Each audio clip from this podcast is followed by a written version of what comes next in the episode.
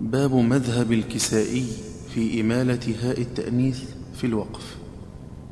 وفي هاء تأنيث الوقوف وقبلها ممال الكساء غير عشر ليعدلا ويجمعها حق ضغاط عاص خضا وأكهر بعد الياء يسكن ميلا أو الكسر والإسكان ليس بحاجز ويضعف بعد الفتح والضم أرجلا لعب رهم أهوج ههو ليك هو بعضهم سوى أليف عند الكساء